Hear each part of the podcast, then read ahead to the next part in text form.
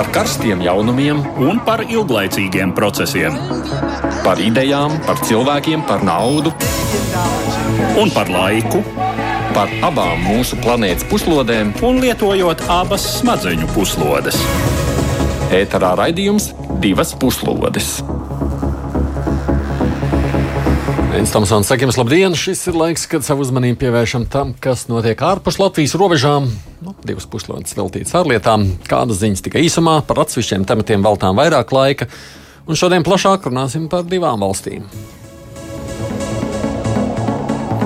Pirmkārt, jau notiekošais ASV. Tur ar Covid saslimušais prezidents Donalds Trumps ir sakarsējis daudz emociju. Ar ārstu palīdzību viņam izdevies pagaidām vismaz ātri atlapt, bet nu, tas viņu iedrošinājis vēl aktīvāk paust savu skepsi par to, cik vīrus ir bīstams. Viņš arī aktīvi jau atkal grib iesaistīties priekšvēlēšana aktivitātēs, kaut arī pats un liela daļa viņa komandas joprojām inficēti. Un, kā zināms, tad līdz prezidenta vēlēšanām ir palicis mazāk nekā mēnesis. Otra valsts, par kuru nevaram nerunāt, ir Kirgistāna, kur nedēļas nogalē notika parlamenta vēlēšanas.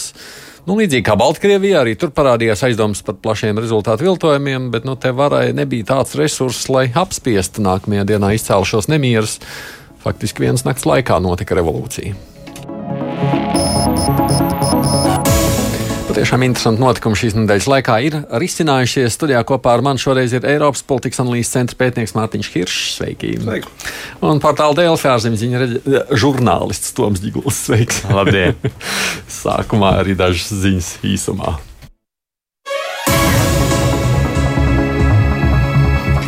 Nu, kā jau bija gaidāms, arī ķīmisko ieroču aizlieguma organizācija Krievijas opozīcijas līdera Aleksandra Navaini asins paraugos ir atradusi Novičoku grupai piedarīgos ķīmiskas kaujas vielas klātbūtni.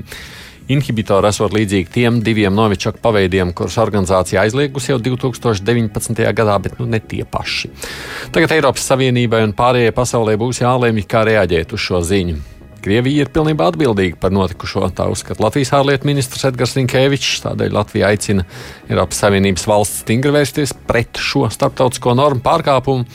Arī Vācija un Francija trešdien nāca klajā ar asu kopīgo paziņojumu, ka viņi cīnīsies par to, lai noteiktu Krievijai jaunas sankcijas, ja vien tā nesāks sadarboties lietas izmeklēšanā. Krievija gan vēl pirms rezultātu paziņošanas aicināja ķīmisko ieroču aizlieguma organizācijas pārstāvis ierasties Maskavā.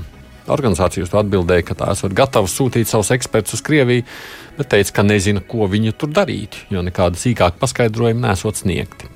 Pats Navaļnijas aicinājis ir ieviest nevis vispārējas ekonomiskās sankcijas, bet gan vērst tās pret Putinam lojāliem oligarkiem. Viņa prāta tam būtu lielāks efekts. Kā zināms, viens no sankciju pretiniekiem ir kādreizējais Vācijas kanclers Gerhards Šreders. Viņš ir nosodījis aicinājumu apturēt gāzes vada Nord Stream 2 projektu un izteicies, ka Krievijas saistība ar Navaļnijas saindēšanu nav pierādīta. Pats Navaļnijas trešdien apsūdzēja bijušo Vācijas kancleru slepkavu aizstāvēšanā un naudas pieņemšanā no Krievijas prezidenta Vladimira Putina, kā arī nosauc Šrēderu par Putina izsūtāmo zēnu. Gerhardam Šrēderam maksā Putins. Tā nav vainīgs sacīt trešdien publicētā intervijā Vācijas laikrakstam Bild.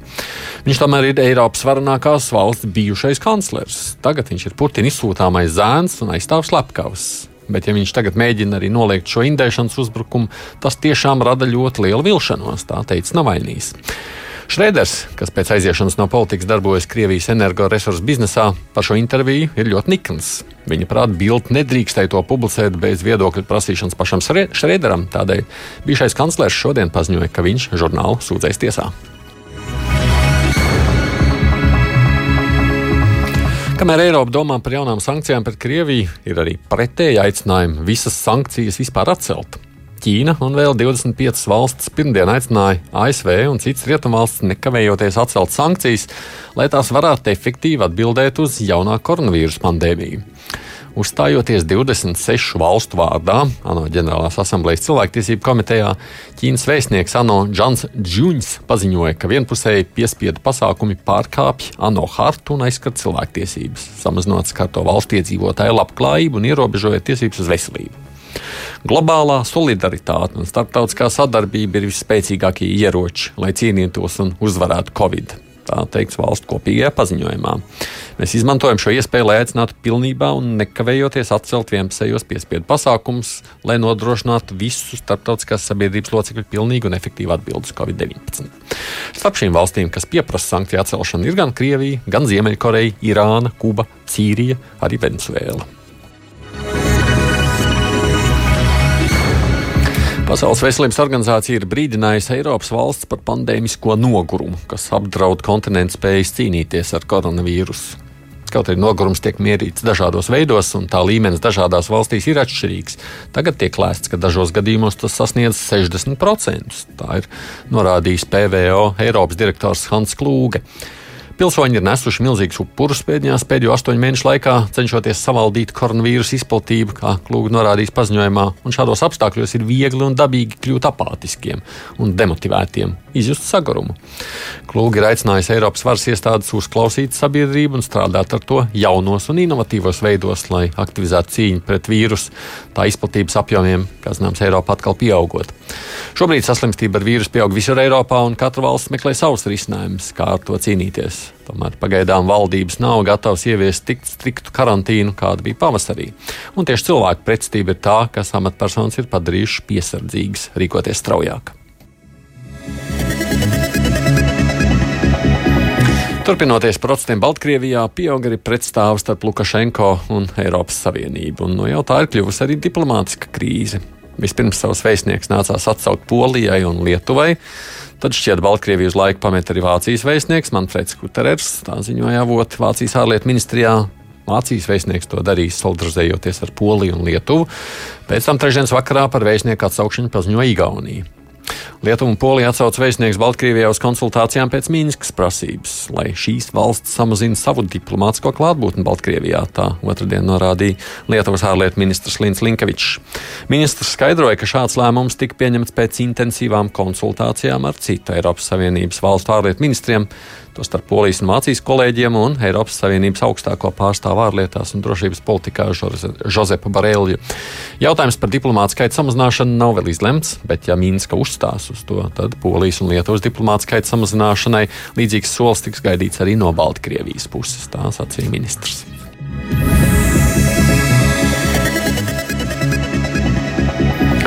Bet nu tagad par sākumā minētiem tematiem un, protams, vispirms par notiekošo ASV.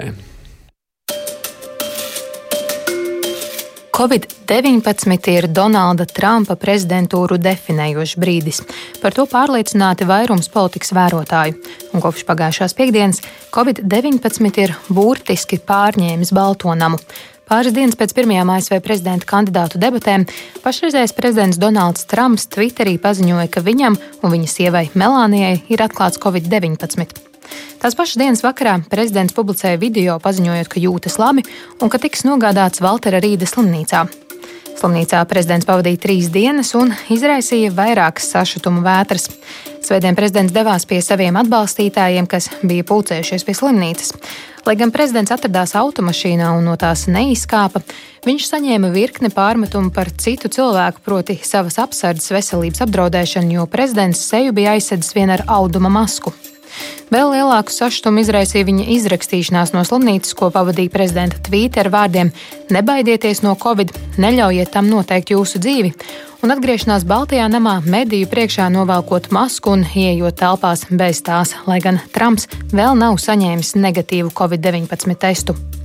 Kopumā Trumpa tuvāko lokā konstatēti vismaz 34 ar covid-19 saslimušie, un pēc pozitīviem testiem vai kontakta ar saslimušajiem karantīnā nu sēž gan Trumpa sabiedrisko attiecību padomnieki, gan arī Pentagona augstākās militāra personas, gan arī citi prezidentam pietuvināti cilvēki. Atgriežoties Baltijā namā, Trumps ātri ķērās pie darba un pāris dienu laikā paziņoja, ka pārtrauc sarunas ar demokrātiem par jaunu ekonomikas stimulu paketi līdz prezidenta vēlēšanām 3. novembrī un aicinot republikāņus koncentrēties uz viņa virzītās Ēmijas Baretas apstiprināšanu ASV augstākās tiesas tiesneses amatā. Paralēli prezidents Twitterī paziņoja, ka pārstāvju palātai un senātam būtu nekavējoties jāapstiprina 25 miljardu vērts atbalsts avio kompāniju un 135 miljardu vērts atbalsts mazo biznesu algu atbalstam. Tāpat Trumps paziņoja, ka visiem Afganistānā dienējošiem būtu jāatgriežas ASV līdz Ziemassvētkiem. Protams, nevar nepieminēt arī pagājušajā naktī notikušās viceprezidentu debatas, kurās tikās viceprezidents Maiks Pence un senatore Kamala Harisa.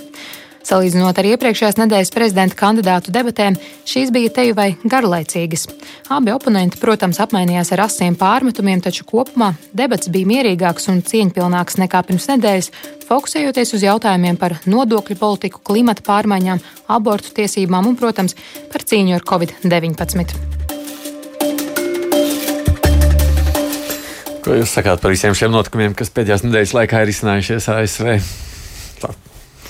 Nu, ja mēs par Covid-19 runājam, man liekas, ka pie visām problēmām, pie visā, visiem skandāliem, visiem strīdiem, visiem ķibelēm, kas ir bijuši Donalda Trumpa prezidentūras laikā, man liekas, ka būs grūti atrast tādu to problēmu, kas ir lielāka par tiem izaicinājumiem, ko radījusi Covid-19 uzliesmojums. Jo Pirmkārt, Trumpam tas laupīja viņa pārvēlēšanas kampaņas turakmeni, kas bija labā ekonomika un balsojiet par mani, un tas turpināsies un būs vēl labāk. Tāpat tas ir līdzs uzdot jautājums par viņu kā līderu dotībām krīzes laikā, ja tomēr ļoti daudz amerikāņi vaino tieši prezidenta eh, veikto un arī nepaveikto cīņā pret Covid un tieši prezidenti redz kā to iemeslu, kāpēc ASV pirmajā vietā gan pēc saslimušo cilvēku, gan pēc mirušo cilvēku skaita. Un tad kronis visam pagājušās nedēļas izskaņā, kad sabojāta ekonomika, līderdotības apšaubīts, un tagad arī viņa paša veselība apdraudēta no Covid-19 puses. Tā kā šķiet, ka tā Bet ir. Tas ir nesis viņam tikai tieši otrādi, varbūt tagad veiksim, jo atbalstītājs saka, re, viņš ir parādīja, ka tur nav ko baidīties un nevajag ļaut bailēm pārvaldīt. Redz, var uzvarēt un viss darīt priekšu. Nu, Trumps ir teicis arī pats, ka viņš ir krīzes laiks prezidents, un viņš pats ir gan radījis, gan ir izdzīvojis dažādas krīzes. Rekurā pirms divām nedēļām bija krīze, ka Trumps nemaksā nodokļus un maksājis gadu desmitiem nodokļus. Tas jau sen aizmirsts. Tas tieši tā jau aizmirsts. Un tā ir tā Trumpa prezidentūras iezīme, ka viņš visu laiku ir bijis kaut kādās paša radītās vai arī citu radītās krīzēs. Un nu, tas atbalsts Trumpam īstenībā nav mainījies. Ir tie 42% aptuveni amerikāņi, kas viņu atbalsta, lai kas vai notiktu.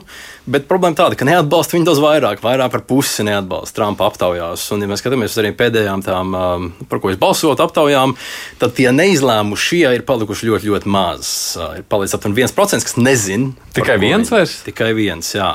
42 nozīmē viennozīmīgi par Trumpu, 55 aptuveni par, par, par 52 plus par Baidenu, un tad tie pārējie liecās uz vienu vai otru pusi, un tikai viens, kurš saka, ka nezina. Tad Covid palīdzēja beidzot izšķirties. Jā, nu, gan, gan, gan Covid, gan vēlēšana tuvums, gan, gan vienkārši tā teikt, tas, ka, nu, jāpieņem tā, mums tagad ir tūlīt, jau būs tas vēlēšanas. Man pirms nedēļas mēs te vēl runājam, vēl bija kaut kādi 6%.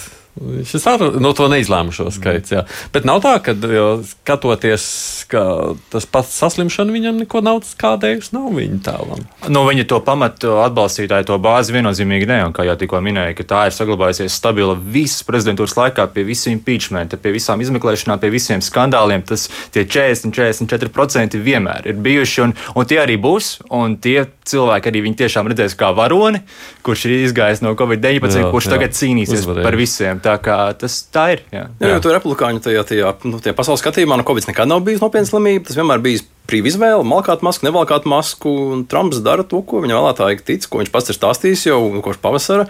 Covid nav beigā problēma, kad nevajag nekādas ierobežošanas pasākumus taisīt. Nu, tie pašā laikā, protams, viņš pārāk ātri atvesaļojās, ka viņam šī retorika nemainījās. Nu, to, jau mēs, to jau mēs arī īsti nezinām līdz galam, jo tā problēma par Trumpa administrāciju ir, ka nu, viņi malo ļoti daudz, un Trumpa izteikumi vairāk par pusi ir bijuši melīgi. Tur ir bijis tā teikt, tā, tā, tie, tie, tie apskati, kurš skatās uz Trumpa izteikumiem, tur ļoti daudz ir problēmas ar to, ko viņš saka. Un vienkārši neviens netic netic tam, ka viņš ir bijis viegli saslimis. Ir iezīmes, ka viņam, ja viņi dod to skābekli, ka divas reizes viņam deva, tad, tad, tā nav viegla saslimšana. Arī tas pats, kad dod šīs zāles, ko parasti dod vēlā, nu, nopietni saslimušiem covid slimniekiem. Tas arī neliecina, ka viņam bija viegla saslimšana. Tieši pretējais nāk ārā no šīs slimnīcas, kur viņš ārstējās ziņas, kad Trumps gribēja ārā iet no slimnīcas, kad ārsts teica, paliec, un Trumps pats teica, ka es iešu ārā. Un, un, un tieši tā viņš nevar parādīt. Un tā ir tā autoritāra līderu, to mačo līderu problēma, ka viņi nevar būt vāji, viņi nevar būt spēcīgiem līderiem, kas izlēmīgi lemj, dara un iet, teikt, pozē, smuki bildēs uh, uz šī balkona, kur viņš arī noņem masku, ja taču nevajag to. Nu, līdzīgi kāds pats uh, Putins un citi atrada līderi, kuriem vajag šos skaļos foršos paņēmumus mēdījiem, pārdot saviem sekotājiem. Un tā realitāte jau nav tik svarīga. Nu, tur saindē, nesindē, nevaļņī, tas nav svarīgi. Galvenais ir pateikt, ka mēs to neesam izdarījuši. Un Trumpam arī tā teikt, nu, mirst amerikāņi, nemirst. Nu, kā mēs zinām no šī te tā, tā Woodwarda sarunu ierakstiem. Trumps zināja, ka Covid nopietna slimība, bet viņam bija viena alga. Nu, teikt, man ir svarīgāka ekonomika. Nu, COVID, nu, bet, nu, bet nu, redz, viņam šī situācija, nu, es, piemēram, salīdzinu ar Lielbritānijas premjeru. Viņš arī bija iepriekš, vai ne tikpat tā, tāds viegli prātīgs, teiksim, tā, pret šo slimību, bet nu, viņš nokļuva tik smagā situācijā, kad iznāca ārā cits cilvēks. Trumpam parasek par vieglu saslimstību. Tas ir tas, ir tas kurš ir Trumps, tas ir šaumens, viņš vienmēr viņam ir jāparāda šis spēks, viņam ir jāparāda šī publiskā stāja. Un, un, Un tas galīgi šī viņa eh, pēcreakcija pēc saslimšanas nepārsteidz mani ne mazākajā mērā. Tas ir tas, tas ko es sagaidīju, godīgi sakot, no Trumpa. Hmm. Tas nozīmē, no viņa sagaidīt kaut ko piesardzīgāku vai domas maiņu. Nesagaidīsim. Nav iespējams. Nav iespējams jā.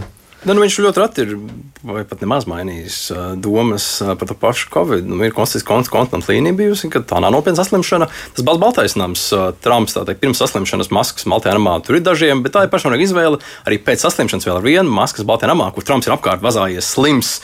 Maskas ir brīva izvēle, valkā, nevalkā. 34 cilvēki, kā minēja, saslimuši, bet nu, tas tādi kaut kādi izolēšanās pasākumi vai vispār šo vadlīniju, ko pašas ASV šīs slimību uh, profilakses uh, centrs uh, CDC, uh, ko ir ieviesis Baltijā namā, nav īpaši svarīgi. Tīri tehniski pensam būtu jābūt uh, pašizolācijā pašlaik, nevis jādebatē uh, viceprezidenta debatēs. Uh.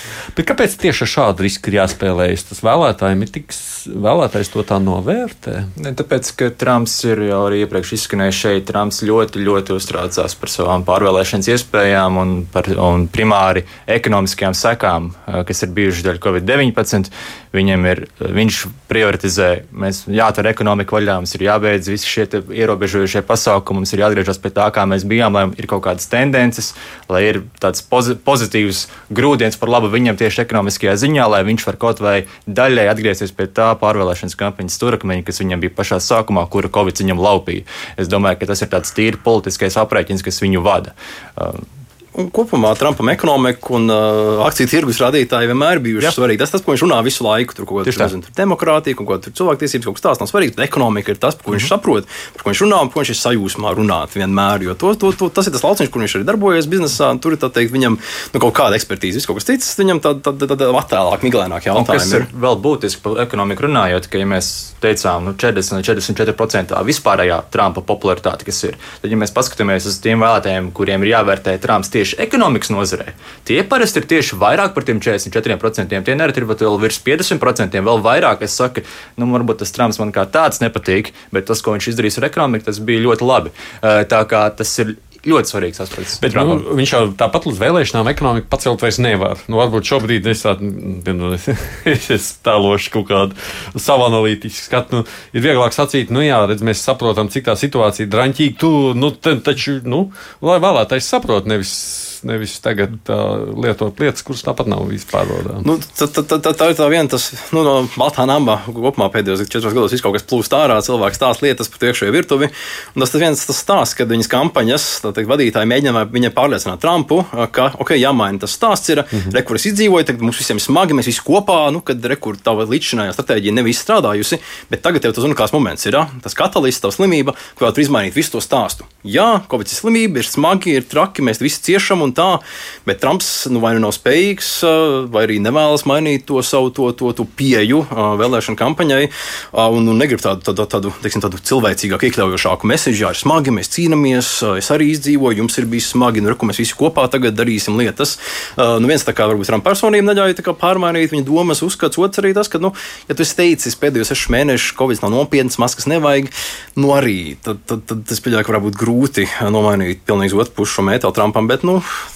Tur arī var teikt, ka republikāņi ir mētājuši meteli uz vienu otru pusi, un tas nekādi nav atspēlējies. Tā kā grūti, grūti, grūti pateikt. Nu, ir cilvēki, kas skaidro, ka tā ir Trumpa personība, kad nu viņš ir senils, vai vienkārši tā teikt, viņš domā, ka viņam ir absolūti taisnība visos jautājumos. Viņš pats teica, ka viņam, teikt, nu, viņš ir stabils ģēnijs, eksperti viņam nav vajadzīgi, un ka viņš visu zina, saprot iekšēji daudz labāk nekā citi cilvēki. Tā kā, tā kā, tā kā arī var būt skaidrojums, ka vienkārši viņa personība Skat, nav spējīga mainīties. Jā, jā, no, jā, no manas puses gribētos, nu, lūk, pētnieki izpēt, nu, kā vēlētājs novērtē vienu vai otru variantu. Un tad nu, tas, kas vēlētāju vairākumam šķiet pieņemamāks, nu, uz to tad spēlēt. Nu, ja tu paļaujies tikai uz savu intuīciju, tad tāpēc iznāk 40% tikai. nu, jā, ne, nu, tā, Tā arī ir. tā, tā, tā Trumpa stratēģija ir spēlēt uz savu nu, bāzi, uz republikāņiem. Viņš nemēģināja vienā brīdī prezidentūrā vienot visus amerikāņus. Viņš par demokrātiem tur īpaši neinteresējas. Demokrāti ir ļauni, citiem Trumpa demokrāti necīt dievam, piemēram, nu, vēl visās dīvainas lietas, ko Viņi viņš neko raksta, nedara teikt, kongresā, jā, viņi tikai izliekās kaut ko. Do Jā, nothing jā, jā. demokrāti te iesauka. Jā, ka- jā tāds ir. Nē, bet, bet tāda pētījuma nav, vai neko vēlētājs, cik, cik vēlētājs novērtē šo Covid risku? Un, Nu, ja mēs paskatāmies uz aptaujām, tad tomēr ļoti daudz amerikāņu, vairāk, stipri vairāk nekā pusi joprojām to uzskata par ļoti nopietnu slimību. Daudz amerikāņu uzskata, ka, ja Trumps būtu bijis piesardzīgāks, viņš varbūt nekad nebūtu saslims. Un, ja mēs paskatāmies arī uz tām kopējām vēlēšanu aptaujām starp Trumpu un Baidenu, nu, tad pēdējās, pēdējās nedēļas laikā tomēr Baidens to savu vidējo pārsvaru pa, pa kādiem diviem, trim procentiem ir palielinājis. Sakrīt tieši ar to laiku, kad bija pēc pirmajām debatēm, un vēl jau vairāk pēc saslimšanas. Nu, tomēr mēs redzam, ka tā sabiedrības reakcija tomēr par, par sliktu Trumpam un attiecīgi visam tam, par ko Trumps iestājās un ko viņš teica, ko viņš darīja šajā jautājumā. Pirms mēs sākām raidījumu, parādījās ziņa, burtiski pāris minūtes pirms tam, ka nākošo debašu, kas ir paredzēts, ne, 15. Jā. pareizi atceros, jā, oktobris, organizētājs saka, ka debatas būs virtuālas, tās nebūs klātienē, tāpēc, ka, nu, joprojām drošība, laikam, ir pirmajā vietā no debašu rīkotāja puses. Tajā pašā laikā Trumps tikko, mm, tā tad jau arī atsita mums no Washington Reuters ziņu, ka Trumps ir paziņojis, ka viņš nepiedalīsies šādās virtuālās debatēs. Ko no šī vajadzētu secināt? Tas ir tikko burtiski pēdējo pāris Nu, minūšu virtuāls jautājums. debats ir loģiski, jo nu, cilvēks saslims Covid, viņam var prasīt nedēļas vairāk, kamēr viņi dabūšu negatīvo testu. Tur Latvijā ir tādi gadījumi, ka tā kā 3, 4, 5 nedēļas cilvēkam nav šis negatīvais tests. Tā kā nu, loģiski gatavosies tam sliktākam scenārijam, Covidam, ka Trumpam vēl projām ir Covid. Par to, ka Trumps nepiedalīsies. Nu, nu, Trumpam ir tiesības to tā darīt, bet nu, tas atstāja tādu vāju negatīvu iespēju darīt. Es domāju, viņa vēlētājiem tas nebūs tik svarīgi. Nu, jo, tā teikt, kāpēc viņš pied, pied, pied, pied, piedalītos tā teikt, uh, nu, negodīgās pret viņu uh, un teikt, pret demokrātiem labvēlīgās debatēs? Nu, tur, tur vienmēr var izdomāt kaut kāds arguments, kāpēc Trumps patiesībā nav piedalījies un kāpēc demokrāti ir slikti un ļauni. Viņam neizdevīgs tāds virtuāls debats. būt. Tas ir, ja viņš tiešām, ja debats būs virtuāls, un tiešām Trumps atteiksies no tajās piedalīties, nu, tas tomēr ir lēmums ar saviem riskiem. Jo, ok, tā Trumpa bāze, tie atbalstītāja bāze viņam būs. Šaubos, ka ar to pietiks, lai uzvarētu elektoru kolēģijā, nemaz nerunājot par kopējo balsojumu. Ja. Uh, otra lieta ir tas, ka no Trumpam ja mēs tā kopumā paskatāmies, Baidenam ir bijušas savu misēļu, savas problēmas ar publiskajām runām un, un dalībām eh, debašu laikā. Trumpam tomēr vienmēr tās debats ir patikušas. Viņš vienmēr ir spējis akcentēt tos savus uh, spēcīgos punktus, iepratīm to savu oponentu vājajiem punktiem. Ja? Es sazinu, varbūt, ka viņš būtu aizgājis uz šīm debatēm, piedalījies, varbūt, ka viņam izdotos kaut ko vēl aizķert Baidenam un parādīt, redz, ka Baidens tomēr nebūtu. Ja? Tā kā tas ir lēmums ar riskiem. Jā, par tām debatēm, nu, tā viena Trumpa problēma ir, ka viņš mēģinājis, viņa kampaņa mēģinājis attēlot Baidenu kā senilu, nevarīgu, nespējīgu. Tā latiņa priekš Baidena diezgan zema. Ir. Viņš var parādīt, ka viņš daudz maz sakarīgi var runāt, tad, tad, tad tas, kā Trumps viņu attēlojas, ir ne, nekorekti. Viņš diezgan tāds nu, normāls prezidenta kandidāts, ir stāsta par politiku un tā. Iespējams, tā arī tāpēc Trumps mēģināja pirmās debatēs, nu, visas viņu sliedēm, nu, man novērst uzmanību ar šiem tā kā, tā kā, nu, kritiku, tā kā starpinājumiem, pārtraukumiem, lai, nu, tā kā Baidenam liktu kļūdīties, sastrasoties, bet tas neizdevās absolūti nemaz Trumpam. Šķiet arī tas, ka tā bija nepareiza stratēģija, jo viņš arī neļāva tādā veidā Baidenam izteikties. Ja Baidens būtu runājis vairāk, varbūt tur būtu kāda kļūda, varbūt būtu bijis kāda aizķeršanās. Ja? Bet visu laiku pārtraucot, visu laiku tur bļaustoties savā starpā, un Baidens arī īpaši neatpalika. Arī viņš iesaistījās tajās pāris provokācijās un, un, un deva pretī Trumpam, bet jā, iespējams, ka varbūt vienkārši vajadzēja ļaut Baidenam vairāk runāt, un tad būtu cits rezultāts. Bet kas nozīmē, nu labi, neaizmirstot vēl par to procentu. Nu, faktiski jau debats ir tas vienīgais tāds reālais, ja pēdējā mēnesī, ko varētu mēģināt ietekmēt vēlētāju izvēli, nu, kurā tu vari noskaņot uz vienu vai uz otru pusi Nu, cilvēks. Kādreiz uh, televīzijas laikmetā, jā, nu tagad jau absolūti vairs. Ir, Piemēram, pagājušajās vēlēšanās, tieši desmit nu, nedēļas, bišķi vairāk pirms vēlēšanām, Trumpa kampaņas sociālos tīklos palaida ļoti negatīvas reklāmas uh, tieši minoritātēm. Tur afroamerikāņiem, uh, me me me meksikāņiem, tur aziātiem ar kādiem citātiem, ko Klintona pateiks par viņiem, ka afroamerikāņi ir hiperpredatori, tur nu, īpaši, agresīvi un, un tādā garā tad melnā kampaņa tikai priekš uh, tiem, tiem nu, minoritātēm ar mērķi atturēt viņus no iešanas uz vēlēšanām. Mm -hmm. uh, tā kā viennozīmīgi ir visādas lietas, kas vēl var, mē, vēl var mēģināt darīt. Un arī par pašu pagājušām vēlēšanām, nedēļu, arī vairāk pirms vēlēšanām, uh, CIA atver to Clintons lietu. Mm -hmm. Arī milzīgi ietekmes, ietekmes mm -hmm. faktors, uh, kas nu, iespējams ietekmē vēlēšanu rezultātu. Tā kā viss kaut kas vēl var notikt, uh, tas, tas negaidīts, neprognozēts. Bet nu, kopumā, jā, nu, debats ir tas lielākais. Bet, bet uh, nu, vai fundamentāli tur kaut kas var mainīties ASV prezidenta vēlēšanās, nu, no debatēm visdrīzākais ka nē, drīzāk kas negaidītas. Nu, Oktobra pārsteigums kāds. Bet, kas nozīmē, ka, ja debats nenotiek, tad neviens tā īpaši zaudētājs tur nav tajā situācijā. Nav zaudētājs, bet Trumps viennozīmīgi nebūs ieguvējis. Viņš varbūt nezaudēs to savu, to savu atbalstītāju bāzi, bet nu, viņš neko neiegūs. Viņš ir tas, kuram būtu jāiegūst, jo viņš šobrīd ir iecinējos. No, nu, Trumps ir tas, kuram vajag to kaut kādu Jā. notikumu lielo, kas izmaina vēlēšanu gaitu. Viņa slimība tā nav bijusi, acīm redzot, bet, bet nu, kas tas varētu būt? Tā tad, ja nav debats, tad vēl kaut kas gaida, nu kaut ko taču viņš izdomā domās, vēl jau laiks ir mazliet. Nu, mēs jau nezinām, nu, pēc, pēc mēneša mēs varam runāt, kas tur būs. Runāsim 4. novembrī. Nu, tie, nu, tieši tā, pirms nedēļas var, mēs varam runāt par ASV to, ka prezidents nav maksājis nodokļu desmit gadi. Tas jau vispār ir aizmirsies, nav aktuāls vairāk. Bet, um, bet tas, jā, nu labi, mazliet pieminot šo aspektu, tas, tas, tas ir kaut kāda ietekme atstājis nekādu. Man šķiet, ka nē. Man personīgi šķiet, ka nē. Jā, jā. Nu, tur, tur, tā kā, nu, ko es sākumā teicu, krīze no krīzes, un tas nekas Trumpam nepielīp. Nu, no vienas puses unikāli, no otras puses. Nu, ja, nu, tas tā kā līdzīgi, nu, nu nav korekts salīdzinājums, bet tā kā oligārhi Latvijā ar saviem mēdījiem, un tad viņi stāsta saviem cilvēkiem, tur desmit gadus mēs esam labie, viss ir forši, viss ir ideāli, mm -hmm. balsojiet par mani. Un tā arī bija, ka balsoja par tām oligārhu partijām Latvijā desmit gadus cilvēki, un tagad nu, ASV palēma tādu oligārhu partiju republikāņu ar saviem mēdījiem, kas stāsta savu realitāti. Un viss, ko dara republikāņi un Trumps, ir labi, ir forši, un viss, ko dara demokrāti, ir slikti. Nu, ir ļoti polarizēta sabiedrība, ir arī problēmas mēdījiem ASV. Un, nu, teiksim, Latvijas būtu jābrauc uz turieni. Cilvēkiem jāstāsta, kā mēs 90. šī gadsimta sākumā risinājām problēmas ar mediju kvalitāti un oligarhiem mūsu valstī. Tā kā, tā kā situācija ir mainījusies ASV iekšienē diezgan nopietni pēdējos 20 gadus. Cik vienmēr patīkami, ka izrādās, mēs esam labāki par Ameriku. nu, COVID, COVID kontekstā ir īpaši. nu, tagad jau es nevaru to zināt tik droši. Bet runājot vēl, es vēl vienu aspektu gribu tomēr par Ameriku runājot. Mēs sakām, nu labi, 40 vai pār 40% atbalstītāji šeit, vai pār pa 50. Mm -hmm nenosaka jau vairākums. Jā, Amerikas jā. prezidenta izvēle. Tā ir tā elektorāta kolēģija, kur beig beigās balso. Un šajā Um, nu, iespējams, viņam ir izredzes tomēr panākt elektorāta kolēģijas vairākumu. Absolūti, jā. un ja mēs atceramies pagājušās vēlēšanas, tad Trumps to saucamajos eh, nu, violetajos štatos, štati, kas nereti izsaka vēlēšanu uzvarētāju, nu gan īsti visus svarīgos viņš arī uzvarēja. Michigan, Pensilvānija, Viskonsina, Floridu, Arizona. Jā, viņam nav šogad pat jāatkārto tas sasniegums. Viņš pat vēl var dažus no tiem štatiem atļauties zaudēt šogad un tik un tā vinnēt elektoru kolēģijā.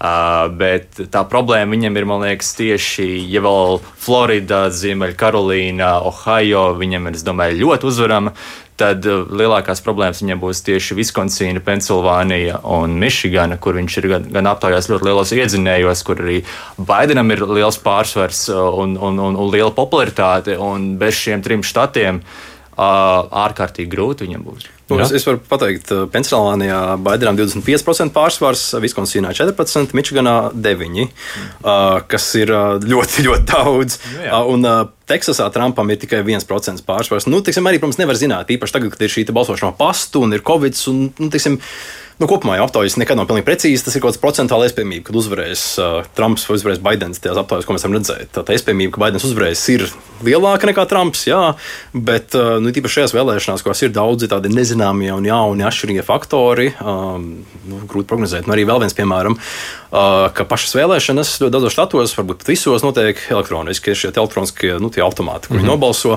Bet šajās vēlēšanās nāk klāt arī daudz vairāk šie pa, pa pastu balsojušie vēlētāji.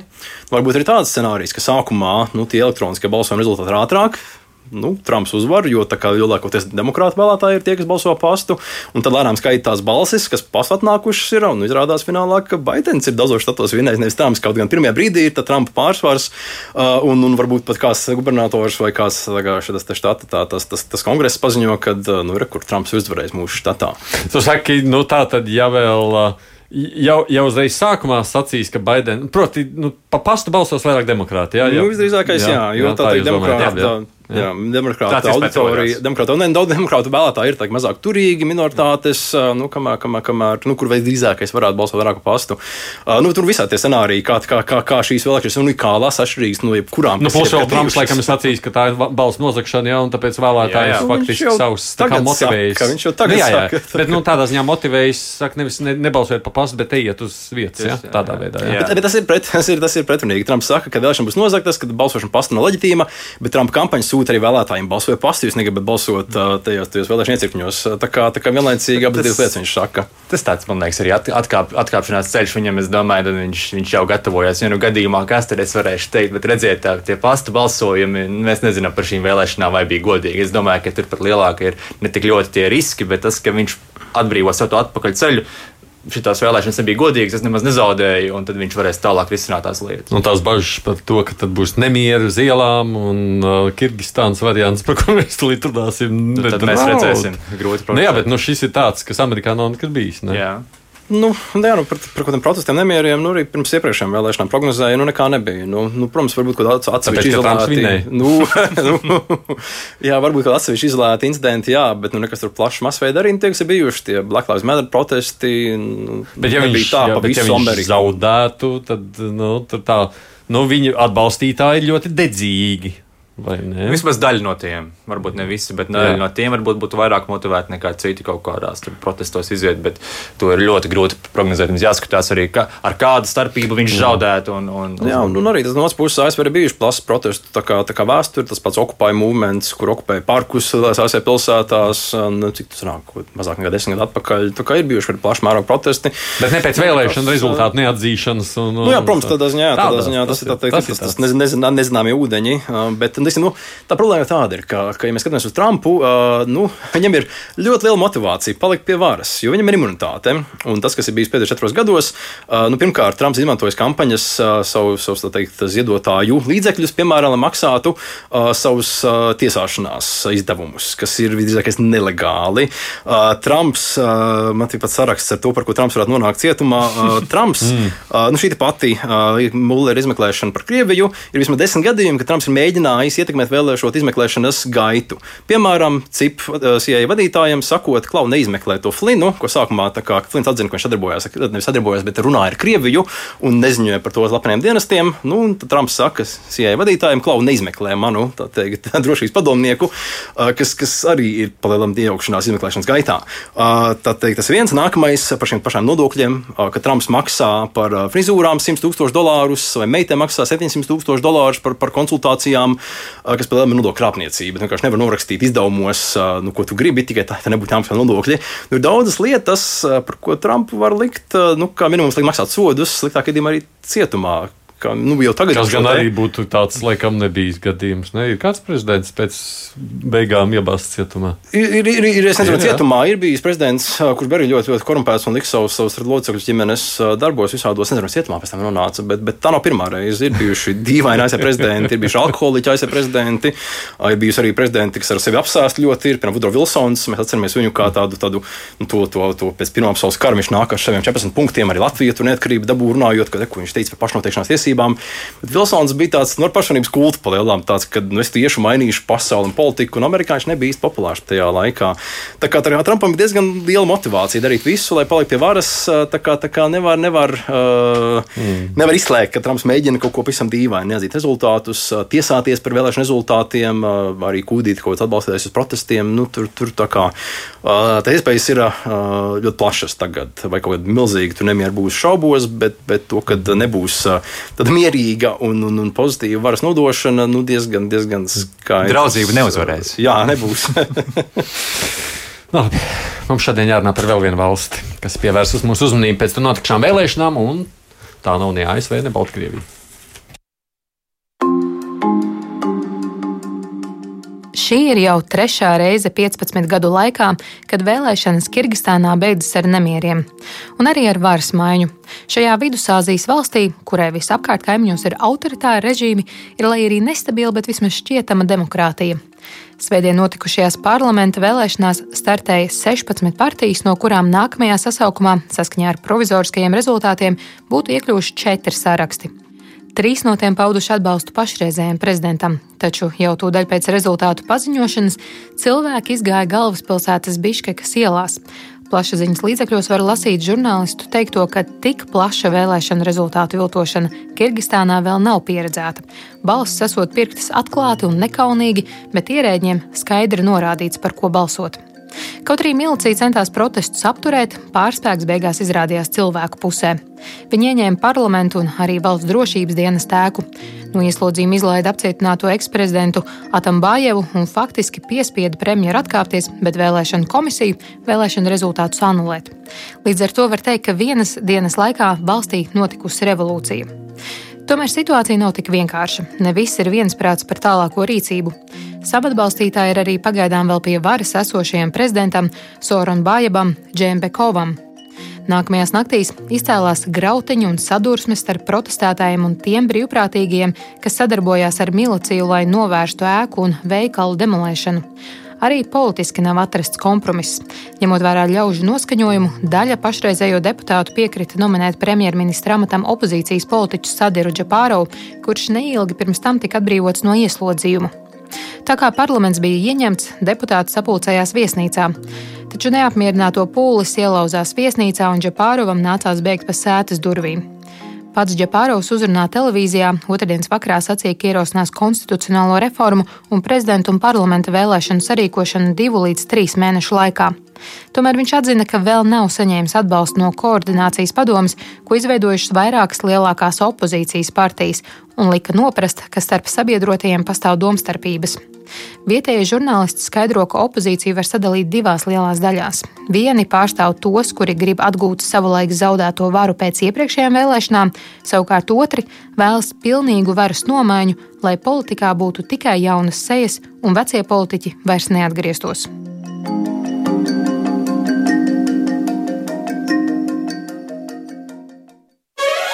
Divas puslodes! Atgādījums studijā šeit kopā ar mani Eiropas politikas analīzes centra pētnieks Mārtiņš Kiršs un portāla Delfārs žurnālists Toms Giguls. Kā jūs rakstot to, kas šobrīd ir noticis un notiek Kirgistānā? To?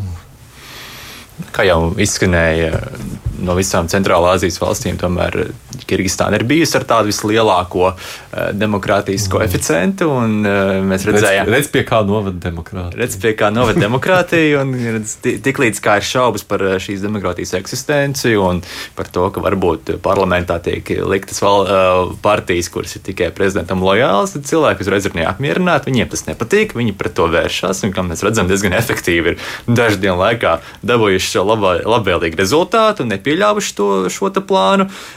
Par to, kādas tam sekas būs nākotnē, gan ir ļoti daudz jautājumu.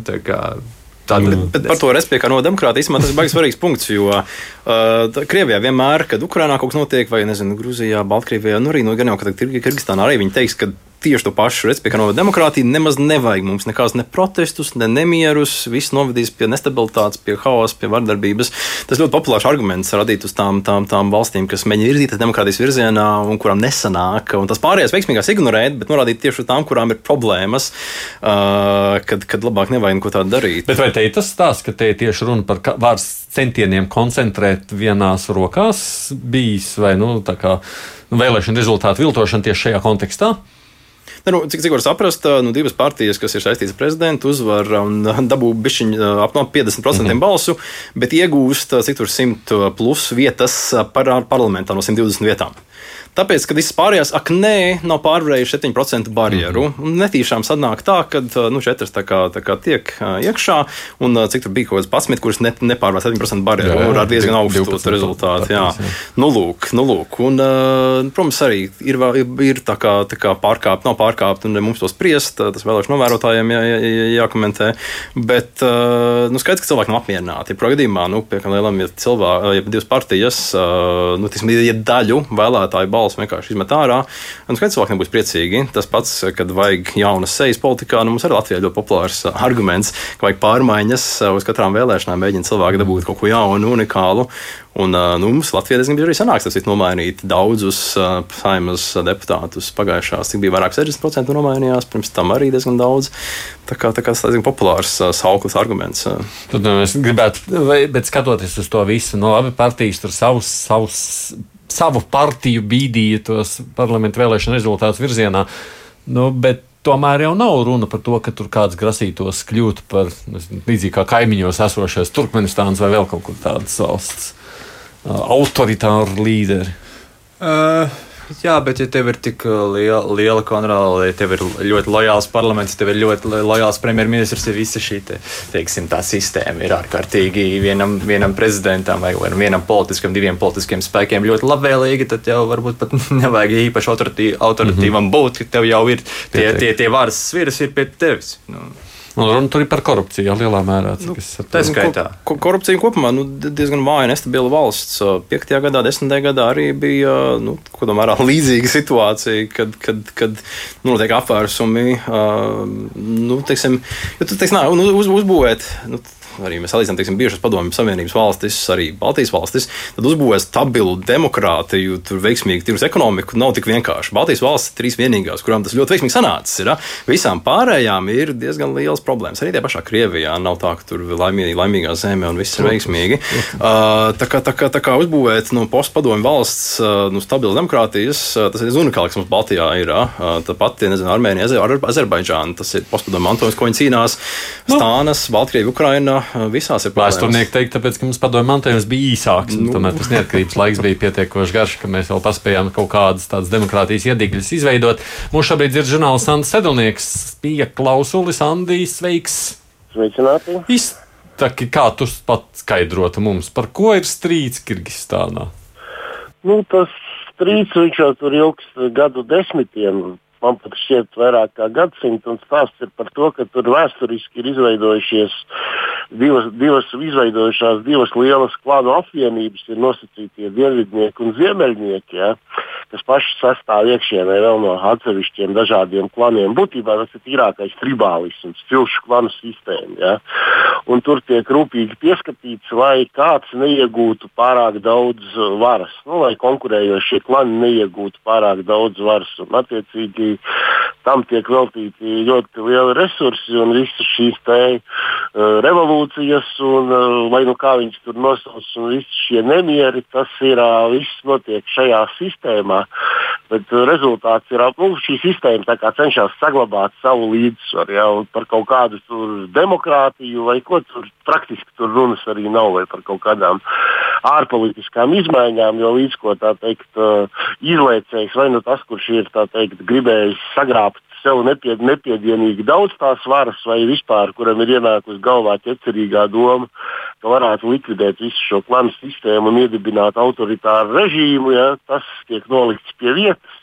Kā mēs zinām, divi bijušie Kirgistānas prezidenti dzīvo emigrācijā, viens Krievijā, viens Baltkrievijā, vēl vienu nu, patās atbrīvoja no ieslodzījuma. Tas ir potenciālo nākošo prezidentu. Un patlabanējais prezidents, nu, viņam ir divi varianti, vai nu ieslodzījumā, vai kaut kur emigrācijā. Paies tur gadi trīs, četri, jāsaucās. Un, uh, Tas ir, saprotiet, tas principā notiek likumsakarīgi. Ja kāds ir ticis pie varas, viņam grib, gribās aizvien vairāk tās varas. Un tad jau tā teikt, attiecīgi tas, kurš tagad būs nākošais prezidents, nu, kaut kā Gruzija, nu, atvainojos, Kirgistāna, viņa principā ir parlamentāra republika, bet prezidentam tur ir liela nozīme. Viņš tā kā, nu, viņam ir uh, tādas teiksim, neoficiālas iespējas koncentrēt savā rokās lielu varu. Ja? Un tad jau tagad uh, nākošais būs kļuvis par noziedzīgo režīmu, ja? un tad gāzīs to, un tas viss atkārtosies pa vecam. Un vienīgā tā nelaime ir, nu, principā tur visi nodarbojās ar vienu un to pašu. Viņi tur korumpē, korumpējās uz nebēdu, ja? labi saprotot, ka pēc dažiem gadiem būs jāiet prom. Un tur viss tiek pakārtots šīm klānu interesēm. Jā, tas galvenais cietējs jau ir tas nu, parastais, vienkāršais cilvēks, jā, kurš, kuri patiesībā man liekas, uz to jau lielā mērā aizvien biežāk pārstāja reaģēt. Bet tas tāds šausmīgi bezcerīgs, vai tas vienkāršais cilvēks kādā brīdī nevar tomēr paņemt? Nu, saprotiet, tur ar to Nu, vienkāršo cilvēku ir tā, tas vienkārši tie uzņēmīgākie, lielākā daļa vienkāršo cilvēku ir aizbraukuši vai nu kā viestrādnieki uz Krieviju, vai vispār cenšas aizbraukt no valsts. Un tie cilvēki, nu, es, Es nesaprotu, ka jūs gadsimtiem esat dzīvojuši kaut kādā vienā cilšu planu sistēmā, ja man liekas, ka tur ir kaut ko ļoti grūti mainīt.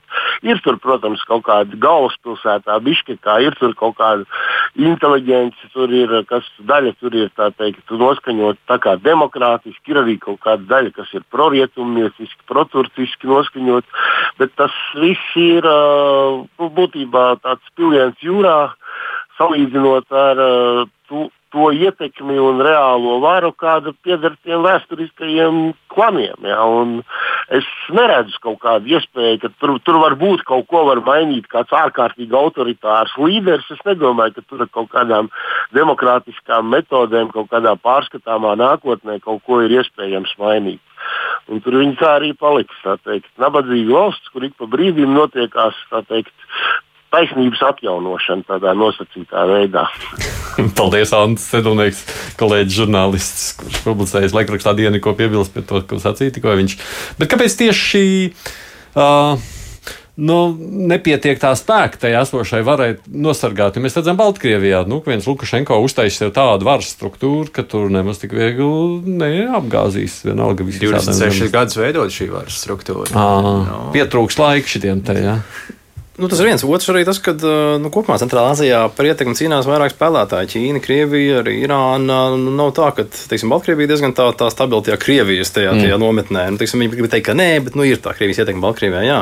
Kamēr kopumā Centrālā Azijā tur nav tā, ka Krievija vai vienīgi absolūti dominē. Es, es neesmu eksperts par Kirgistānu absolūti maz, bet es pilnīgi pieļauju, zinot vairāk reģionu, ka tur noteikti Ķīnas nav cenšās Krievijas naudu, iespējams, ar Irānas kaut kāda ietekme. Nu, katrs vāk savā pusē, savā virzienā. Es nebūtu pārsteigts, ja katrs katrs no šiem grupējumiem ir vienā vai otrā virzienā svērās vairāk vai mazāk. Jo Ķīnas ietekme palielinās Centrālā Azijā un kopumā, kopumā no Azijā ļoti, ļoti, ļoti nozīmīgi, jo caur to pašu Centrālā Aziju ir plānos būvēt šos gāzes vadus uz Ķīnu no šī te, tā, tā jaunā zīda ceļa, viens no tiem ceļiem arī Centrālā Azija, tālāk uz Krieviju. Tā kā svarīgs Ķīnai no eksporta tirgus un tranzīta ceļš. Jā, bet uh, Baltkrievi tur neko nevar mācīties no šitiem Āzijas karstasinīgajiem. Es domāju, ka situācijas ļoti atšķirīgas ir tomēr. Un... Bet nu, es vienkārši skatījos, tajā, es, es sekoju līdzi Baltkrievijas telegramiem kanāliem visiem. Tajā brīdī, kad Kirgistānā tas notika, viņiem tur bija tāds, tajā dienā tās lapas, nu, Baltkrievi. Skatāmies, mācāmies no Kirgīziem, kā vajag lietas kārtot valstī. Jā, bet arī jā, jāpaturprātā, man liekas, ir viens būtisks aspekts vismaz šajos Kirgistānas procesos, kas tagad ir izveidojušies, ka ok, ne, negodīgas vēlēšanas, prezidents prom, neviens nezina, kur viņš ir, premjerministrs prom, arī īsti nezina, kur viņš ir. Visas šīs pārmaiņas tiek, tiek veidotas, bet arī šīs opozīcijas grupas, kuras ir panāca šo lūzumu un šīs izmaiņas, pašas ir ļoti, ļoti savā starpā dalītas, polarizētas un galīgi neviens prāts par ļoti daudziem jautājumiem. Un mēs to, to redzam, ka viena, viena grupa atzīst šo te vienu jauno premjerministru, cits tam nepiekrīt, cits saka, nē, nē, šis būs premjerministrs. Ja? Tā kā ir ārkārtīgi iekšēji, teiksim, ja Baltkrievijā mums ir tas vienotais pretinieks, kas ir Lukašenko autoritīvais režīms, kas mums vairs nav nepieciešams un kas mums nedara. Tad Kirgistānā šī opozīcija ir ārkārtīgi sadrumstalota salīdzinoši, un tas ir būtiski šeit. Nu jā, no otras puses, mēs redzam, apkārt Kirgistānai laikam ir tikai pamatā autoritāra režīma. Jā, ne, viņa vienīgā tur pa vidu, kas ir tādā veidā dalīta valsts, kas šādā mēģina risināt savas iekšējās lietas. Kāpēc tieši tur Kirgistānā tas nozīmē, tas ir tāds valsts uzbūve, kad nu, tā sanāca valsts. Nu, jā, šis vēsturiskais dalījums, ko minēja kolēģis, jā. bet nu, jā, Baltkrievija papildinot.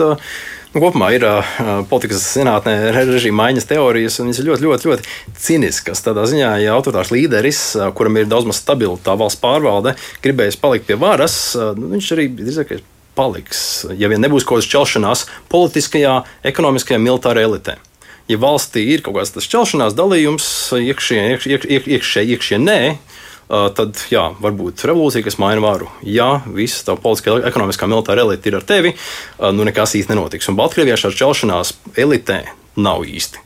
Nu jā, tas nozīmē, ka Kirgīzi nemāku izveidot drošu, stabilu savu elitu piecu gadu laikā uzbūvēt. Pieci gadu pamāc, jā. Jā, nu šo, nu jā, pieci laikam šoreiz. Tur iepriekšējā reizē nemierīgi tās vēlēšana rezultāti nebija. Cik mums tas ir aktuāli? Es gribēju arī pajautāt, mums tāda Kirgistāna interesē, tuvu, tālu, mēs ar viņiem veidojam attiecības. Nē. Es nezinu, ja kādam paprasīt, kurš ir bijis Mm. Kirgistānā. Ne, nu, šī te Eiropas Savienības austrumu partnerība, un mēs runājam par demokrātiju un cilvēktiesībām šajās valstīs, bet, bet, bet tā tieši nē. Nu, ASV prezidenta vēlēšana rezultāts daudz tiešāk ietekmēs mūs nekā Kirgistānas notikumi. Es domāju, ka tas ir būtiski no jau iepriekš izskanējušā par tām ārvalstu ietekmēm, to lielo varu ietekmēm, Ķīnas ietekmi. Mums ir svarīgi sekot tieši tam, kas notiek šajā reģionā no šī viedokļa, kā citas lielvalstis cenšas šo reģionu ietekmēt, kādas sekas tas var atstāt mums.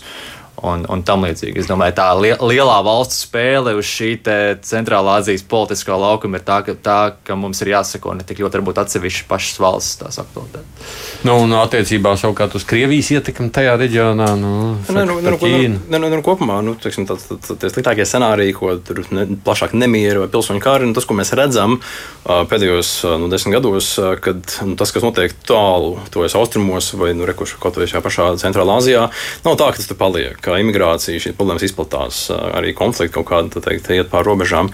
Tā kā jebkurā gadījumā nu, miera stabilitāte ir tas, tas, tas, tas, ko es pieļauju, nu, gan Latvija, gan arī lielākā daļa pasaules ar, kad uh, tur ne, neeskalēsies nekādā plašākā vardarbībā šie te protesti, uh, jo arī tur, kas notiks tālāk, ļoti grūti prognozēt. Uh, bet kopumā no Latvijas interesēs uh, nu, skaidrs, ka uh, mēs varam runāt par demokrātiju un, un kādām cilvēktiesībām, bet nu, tā stabilitāte varētu būt pirmajā vietā šajā, šajā gadījumā. Nu, attiecībā no Krievijas, viņi, vismaz, ja mēs sakām, dažās valstīs viņi jaucas iekšā, un dažās ne, tad šeit šķiet, ka no Krievijas nekāda tāda liela interese mēs nedzirdam. Un Vēl nē, vēl nē. Kāpēc vēl ne? Nē, nu, skatīsimies, kā situācija attīstās. Tā, tas, kas ir tagad par šīm dienām noticis, tas ir pietiekami liels izmaiņas dažu dienu laikā, bet tas, kā viņas tālāk attīstīsies, ir ļoti grūti prognozēt. Tas var dažādi būt. Nu, jā, no vienas puses, kā mēs teicām, tai opozīcijai ir divas tās sadaļas. Viena ir tie, kas saka, ka nu, jā, atgriezīsimies vecos, tie jau Krievijai pazīstami. Ne tie jau ir bijuši pie varas, mm -hmm. tie ir izbaudīti, tur nekāda problēma nav. Kas tie tādi, kas grib pilnīgi pa jaunam visam, nu, tos vien. Uz tiem raugās nu, piesardzīgāk tajā visā kontekstā. Nu, kopumā Centrālā Azija eksportē gāzi caur Krieviju un ir nu, kaut kādā mērā atkarīga no Krievijas labvēlības. Pārdod gāzi pa lēto Krievijai, Krievija daudz dārgāk pārdod Eiropai. Tā un ir šī ekonomiskā atkarības komponente Centrālā Azijā, bet, bet, bet konkrēti Kirgistānu. Nu, teiksim, kaut kāda liela tā Krievijas ieteikuma vai Krievijas loma, es īsti pat nezinu, vai, vai, vai, vai tur spēlē. Kaut kāda nozīme. Nu, kurā brīdī kaut kāda skaidrība būs, droši vien to pašlaik tiešām ir grūti pastāstīt, bet es saprotu, ka nu, kaut kāda vienošanās jau tā opozīcija acīm redzot panāks. Kaut kas jau tur uh, citādāk būs. Mēs pagājušā reizē par Kirgistānu runājām, ka to iepriekšējo prezidentu lika cietumā. tā izlaidīs ārā. Droši vien nākamreiz runāsim, ka šito liks cietumā, vai ka, tā kā Andris teica, vai, ne? vai šis laidīsies kaut kur citām valstīm prom. Paldies jums, ka atnācāt šeit šodien runājot par šīm divām lietām. Nu, protams, par Amerikas Savienotām valstīm mēs noteikti tuvākajās nedēļās vēl runāsim vairāk, tāpēc, ka nu, jau vēlēšanas ritin tuvu.